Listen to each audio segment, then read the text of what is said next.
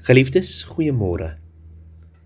Soos die meeste van julle waarskynlik reeds weet, is die Ou Testament oorspronklik in Hebreëus geskrywe. En vir eeue lank het mense die Hebreëse Bybel met die hand oorgeskrywe.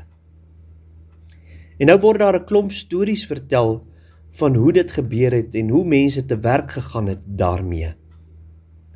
Die oorskrywers van die Hebreëse Bybel wou egter nie hê dat die woorde wat hulle oorskryf God iewers in 'n slegte lig moet stel nie.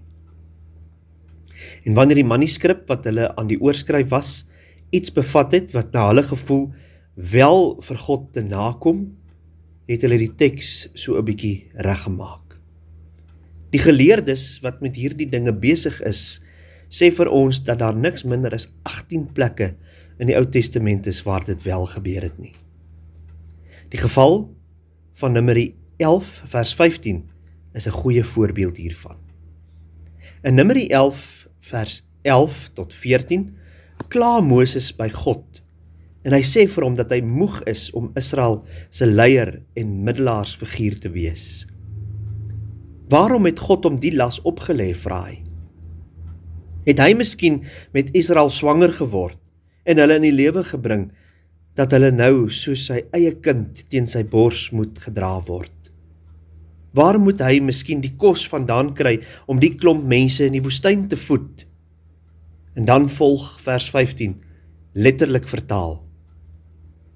As u dan so met my wil maak, slaan my dan asseblief liewer net hier dood.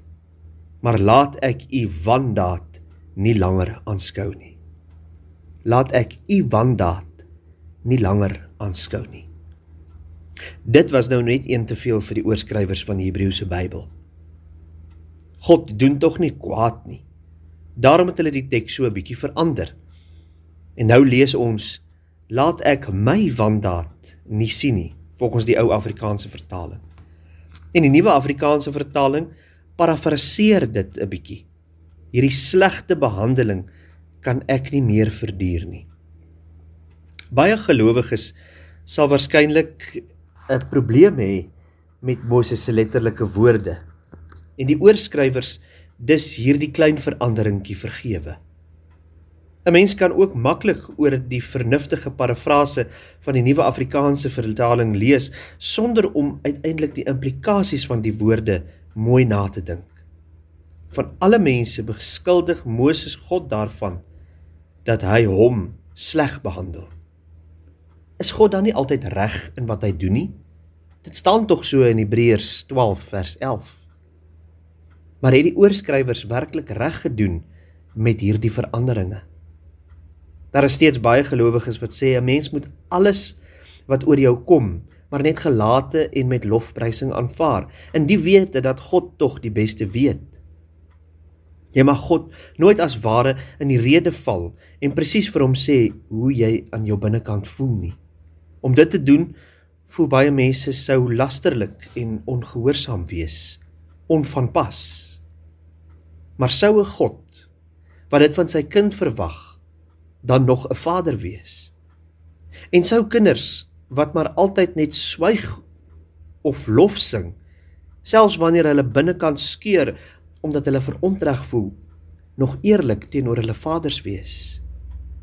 In die Ou Testament maak gelowiges hulle gemoed oop voor God. En hulle vertel vir hom in ondubbelsinnige taal presies hoe hulle die lewe ervaar. Gaan lees maar die psalms. En dit is wat Moses ook hier doen. Hy ervaar die dinge wat met hom gebeur as onreg en hy sê dit presies so vir die Here. En daarin is hy nie alleen nie. Soos ek sê, Die psalmdigters skryf baie in hierdie soort taal. Deur die groot geweld van God hang my klere vormloos aan my. Hy gooi my in die modder asof ek stof en as is. Hier staan ek, maar u steur u nie aan my nie. So kla Job in Job 30 vers 16 tot 31. Ook die profeet Jeremia maak nie 'n moordkuil van sy hart oor sy belewennisse van die kwaad nie. Hy sê ek kan nie op u reken nie. Net so min as op 'n stroom wat nie standhoudend is nie. Jeremia 15 vers 15 tot 18.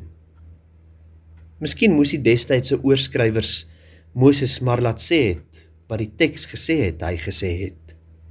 Dan sou minder mense dalk alleen gevoel het as die lewe te veel word. Meer mense dalk kon glo dat hulle werklike Vader in die hemel het by wie hulle hulle harte kan uitstort. En miskien, net miskien sou daar minder mense gewees het met opgekropte gevoelens heens God. As jy 'n moordkel van jou hart maak, hoor vandag dat jy by God mag kla en vir hom presies mag sê hoe jy voel. Kom ons bid saam. Here ons Here, dankie Here dat U 'n oor na ons draai en dat U na ons luister en dat U aandagtig daaraan is dat ons net mense is en dat U met 'n goddelike oor na ons menslike kla luister. En dankie dat U ons ook vergewe wanneer ons verkeerd teenoor U optree. En dankie dat U ook altyd vir ons uitkoms bring wanneer ons vasgevang voel. In Jesus naam alleen bid ons dit en ons dank U vir U genade en U liefde. Amen.